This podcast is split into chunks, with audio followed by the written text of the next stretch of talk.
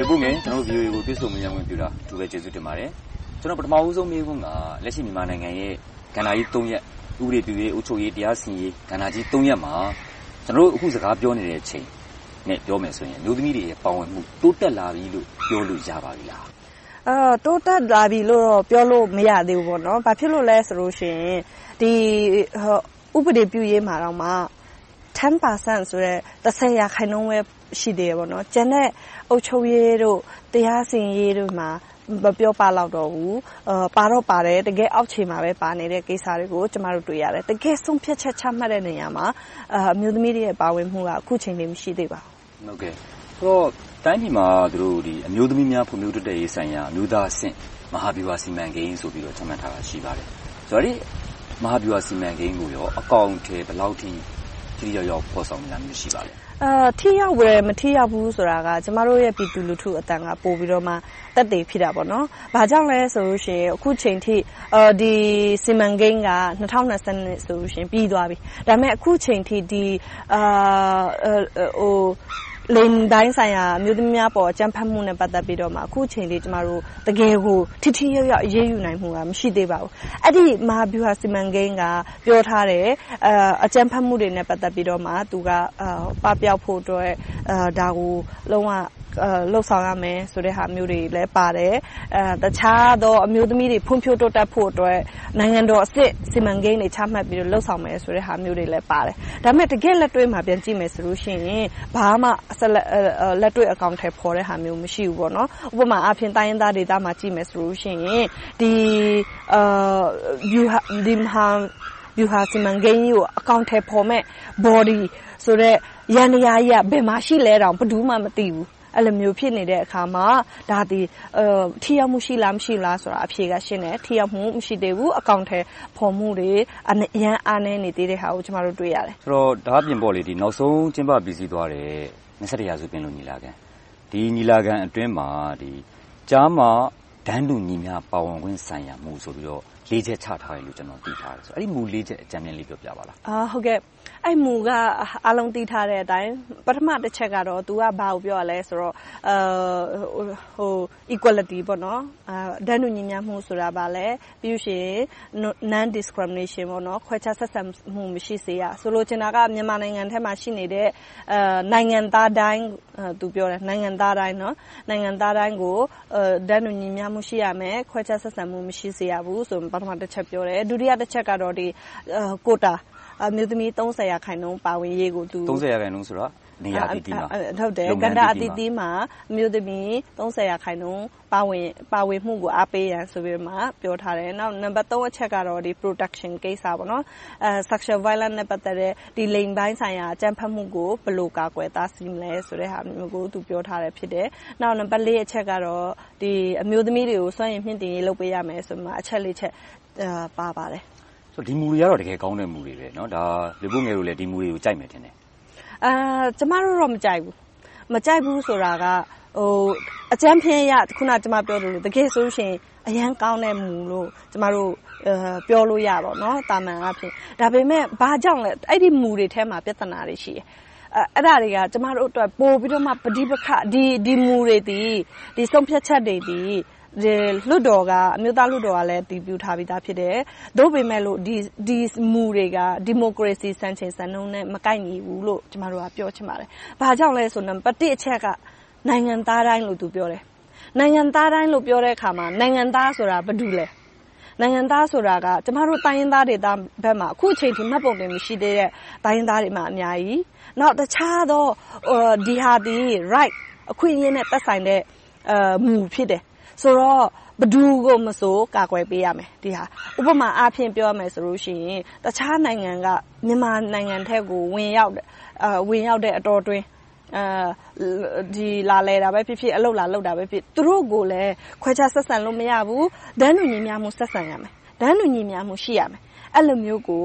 အားလုံးကိုလွှမ်းခြုံတဲ့မူဖြစ်ရမယ်။နံပတ်တစ်အချက်။နောက်နှစ်အချက်ကအဲဒါကြောင့်မို့ဒီမိုကရေစီစံချိန်စံနှုန်းနဲ့မညီဘူးလို့ကျမတို့ကပြောတယ်။နောက်နှစ်အချက်ကဘာလဲဆိုရင်ရာခိုင်နှုန်းကျမတို့တောင်းဆိုနေတာကကျမတို့ပြောတဲ့ကဏ္ဍဆိုတာကအုပ်ချုပ်ရေး တရားစီရင်ရေး ဥပဒေပြုရေး ဒီမန်တိုင်ကြီး၃ရက်မှာတောင်မှာတောင်မှ အဆင့်ဆင့် ရှိသေးတယ် ပြည်နယ်အဆင့် တိုင်းအဆင့်ဒီနိုင်ငံတော်အဆင့်ဘိုးအဆင့်ပေါ့နော်အဆင့်ဆင့်မှာအလုံး30အနည်းဆုံး30ရာခိုင်နှုန်းကို ဥပဒေထဲမှာ ထည့်သွင်းပြီးတော့မှ ပြဋ္ဌာန်းပေးဖို့အမခံချက်ရှိရှိနဲ့ ပြဋ္ဌာန်းပေးဖို့ ကျမတို့က တောင်းဆိုတာ ဖြစ်တယ် ဒါပေမဲ့ အခုက ပါဝင်ရေးကို အားပေးရန်ဆိုတော့ ဘသူကအားပေးမှာလဲဘသူအားပေးဘလို့အားပေးမှာလဲဘောလုံးပွဲလို့မဟုတ်ဘူးလေဘောလုံးပွဲဆိုတာကအလုံးထိုင်ပြီးတော့မှဟာဘောလုံးပွဲဘသူဂိုးတယ်ဆိုမှထိုင်ပြီးတော့မှလက်ခုပ်တီးလို့ရတယ်ဒါပေမဲ့ဒီ30ရာခိုင်နှုန်းပါဝင်ဖို့ဆိုတာကဘသူကအားပေးလို့ရမလဲတိတိကျကျပြောထားတာမဟုတ်ဘူးဟုတ်တယ်တိတိကျကျ လုံးဝမရှိဘူး နောက် နံပါတ်3အချက်ကတော့ကောင်းကောင်းတယ်လို့ ပြောလို့ရမှာပေါ့နော်အမျိုးသမီးတွေအတွက် ကာကွယ်ပေးထားတယ် ဒါပေမဲ့ သူ့မှာလည်းအားနည်းချက် နည်းနည်းရှိသေးတယ် ကာကွယ်ပေးဖို့ဆိုတာက ဘယ်လိုပုံစံနဲ့ မူတော့မူပဲသူကမူချမှတ်လိုက်ပြီ ဒါက လုံးဝ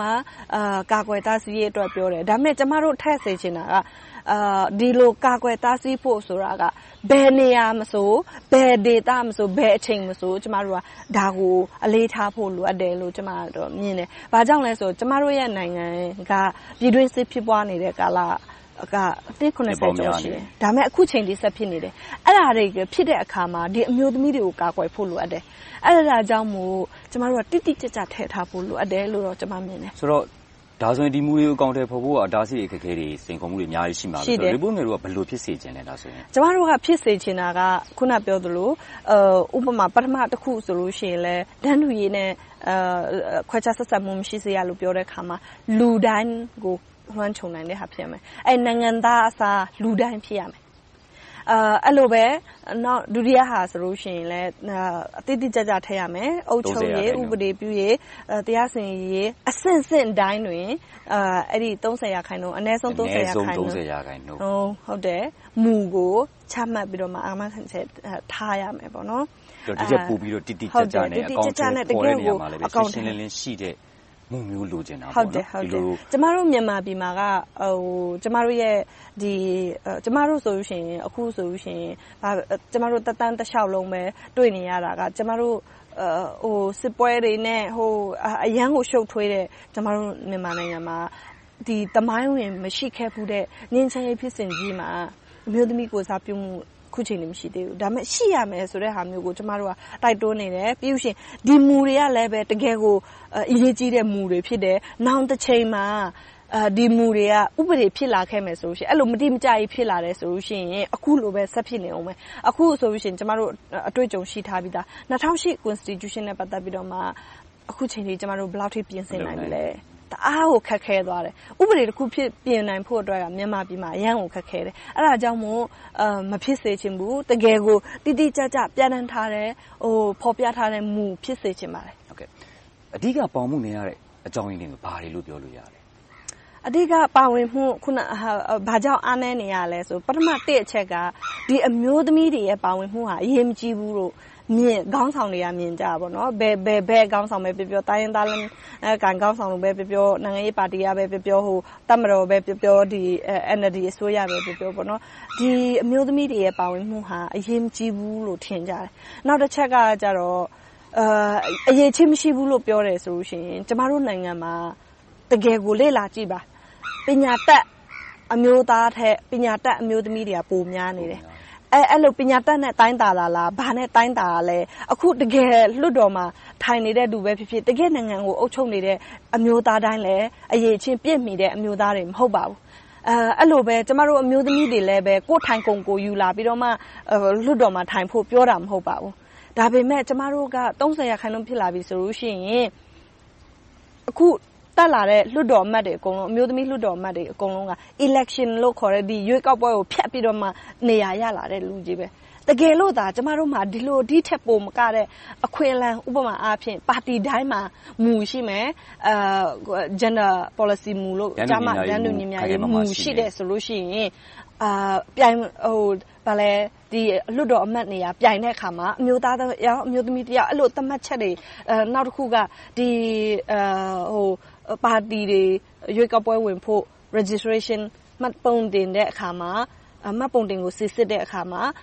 အမျိုးသမီးကိုယ်စားလှယ် မပါဘူးဆိုရင် ယှဉ်ပြိုင်ခွင့် မရှိဘူးဆိုတဲ့ဟာမျိုးနဲ့ အကန့်အသတ်ထားတယ်ဆိုရင် ကျမတို့ အမျိုးသမီးတွေ တကယ်အရည်အချင်းရှိတဲ့ အမျိုးသမီးတွေ တက်လာမှာလို့ ကျမတို့ယုံကြည်တယ်။အဲဒီနေရာမှာ သူတို့က ဆုံးဖြတ်ချက် ချမှတ်တဲ့နေရာမှာ တကယ်လို့ ပါဝင်လာခဲ့ပြီဆိုရင် ကျမတို့နိုင်ငံအတွက် တကယ်ဒီထက်ပိုပြီးကောင်းမွန်တဲ့ မူတွေ ပိုပြီးတော့မှချမှတ်နိုင်မယ်။ကျနော် အဲဒီနေရာမှာ ဖြတ်မေးလိုက်ချင်တာက လူပုဂ္ဂိုလ်တို့ကအမျိုးသမီးတွေ ပိုပြီးတော့ ပါဝင်ခွင့်ရဖို့ တောင်းဆိုတယ်။ဆိုတော့ ပိုပါလာရင်ကောဘာတွေပိုကောင်းလာမှာလဲ။ဘာတွေပိုထူးခြားလာမလဲ။ ဘာတွေပိုကောင်းလာမလဲဆိုခုနတစ်အချက်ကျမပြောသလိုမူတွေမူတွေပိုကောင်းလာမယ်နောက်တစ်ခုကျမတို့နိုင်ငံမှာ corruption လို့ခေါ်တဲ့လက်စားမှုအကြီးကြီးဖြစ်တယ်ဒါပေမဲ့အမျိုးသမီးတွေတက်လာတယ်ဆိုဒီအမျိုးသမီးတွေကဒါကဘာလုံးဆိုင်ရာလေ့လာမှုအရာเนาะအဲကျမပြောတာမဟုတ်ဘူးအဲ့ဒီလေ့လာမှုအရာဆိုရှင်အမျိုးသမီးတွေကလက်စားမှုအရင်နေတယ်အာရှိတော့ရှိတယ်မရှိဘူးလို့မပြောဘူးနဲတယ်အဲ့လိုမျိုးဖြစ်တဲ့အတွက်ကြောင့်မို့လက်စားမှုတွေကိုကျမတို့လျှော့ချနိုင်မယ်နောက်တစ်ခုကကြတော့လူသားအရင်းမြစ်တွေနဲ့ပတ်သက်ပြီးတော့မှကျမတို့အဲ အခက်အခဲမတွေ့တော့ဘူးဥပမာပြောရမယ်ဆိုရင် ကျမတို့နိုင်ငံမှာက မလက်ခံလို့မရဘူးအမျိုးသမီးဥယေက အမျိုးသားဥယေထက်ထက်ဝက်ကျော်ရှိတယ်ဟုတ်တယ်အဲ့ဒီဟာကိုလက်မခံလို့မရဘူးသူတို့ရဲ့ကုစားပြုမှုရှိကိုရှိရမယ်ကုစားပြုမှုမရှိဘူးဆိုလို့ရှိရင် အဲ့ဒီကြံလစ်ဟာနေတဲ့အာကွင်းပြင်ကြီးထဲမှာ လစ်ဟာနေတဲ့ position ရာထူးတွေထဲမှာဘသူကို အစားထိုးထည့်မှာလဲ ဒီအမျိုးသမီးတွေရဲ့ ပါဝင်မှု မရှိလို့ကို မရအောင်မရှိဘူးဆိုလို့ရှိရင်တစ်ဖက်မှာ ဒီမိုကရေစီ စံချိန်စံနှုန်းနဲ့ မညီညွတ်ဘူး နောက်တစ်ချက်ကကြတော့ ကျမတို့နိုင်ငံမှာ ဒီလိုအမျိုးသမီးတွေ ပါဝင်လာခြင်းအပြင်ဒီထက်ပိုပြီးတော့ ကောင်းမွန်တဲ့ အနာဂတ်ဖြည့်ရှင်း ပြဿနာတွေကိုဖြေရှင်းတဲ့မူတွေကိုပိုပြီးတော့မှချမှတ်နိုင်မယ်။ဘာကြောင့်လို့အဲ့လိုပြောသလဲဆိုရှင်အမျိုးသမီးတွေဒီဒီမိသားစုတွင်းထဲမှာတော့မှကလေးကဘာတွေကလေးနဲ့ပတ်သက်တဲ့ကိစ္စကလေးတွေကလေးတွေကဘာတွေလိုအပ်တယ်ចောင်းသွားတယ်ဆိုရှင်လည်းဘာတွေလိုအပ်တယ်အဲ့လိုသိတဲ့အတွက်ကြောင့်မို့ तू မူချတဲ့အခါမှာလည်းပဲပညာရေးပိုင်းမှာပဲဖြစ်ဖြစ်ဘယ်ပိုင်းမှာဖြစ်ဖြစ် तू အဲ့ဒါကိုထည့်သွင်းပြီးတော့မှဒါတွေကိုစဉ်းစားပြီးတော့မှနိုင်ငံတော်ရဲ့ဖွံ့ဖြိုးတိုးတက်မှုကိုချမှာ ဆိုတော့ သူ့ကလေးတိုးတက်ဖို့အတွက် ဒီမူတွေကို သူစဉ်းစားမှာပဲအဲ့လိုဖြစ်တဲ့အခါမှာ အဖေတွေကကြတော့ အဲ့လောက်မသိဘူး ကလေးတွေကို အဲ့လောက်ထိတ်ခဲလုပ်တဲ့လူ မဟုတ်ဘူး တကယ်ကို view ဆိုင်နဲ့ နေ့စဉ်နဲ့အများပြုစုနေတဲ့လူ မဟုတ်မဟုတ်တဲ့အခါမှာ တချို့တော့အပိုင်းမှာလိဟာမှုတွေ ရှိတယ် အဲ့ဒါကြောင့်မို့ အမျိုးသမီးတွေကဒီဆုံးဖြတ်ချက် ချမှတ်တဲ့နေရာမှာ ပါလာခဲ့မယ်ဆိုလို့ရှိရင်ဒေါင်းဆောင်ကနေ ကျမတို့တွေ ကိုယ်နိုင်ငံ ဖွံ့ဖြိုးတိုးတက်ဖို့အတွက် ပို့ပြီးတော့မှ ကောင်းမွန်တဲ့ မူတွေ ဥပဒေတွေကို ချမှတ်နိုင်မှာ ဖြစ်ပါတယ် ကျေးဇူးအများကြီးတင်ပါတယ် လေပုံဟုတ်ကဲ့ပါ ကျေးဇူးတင်ပါတယ်ရှင်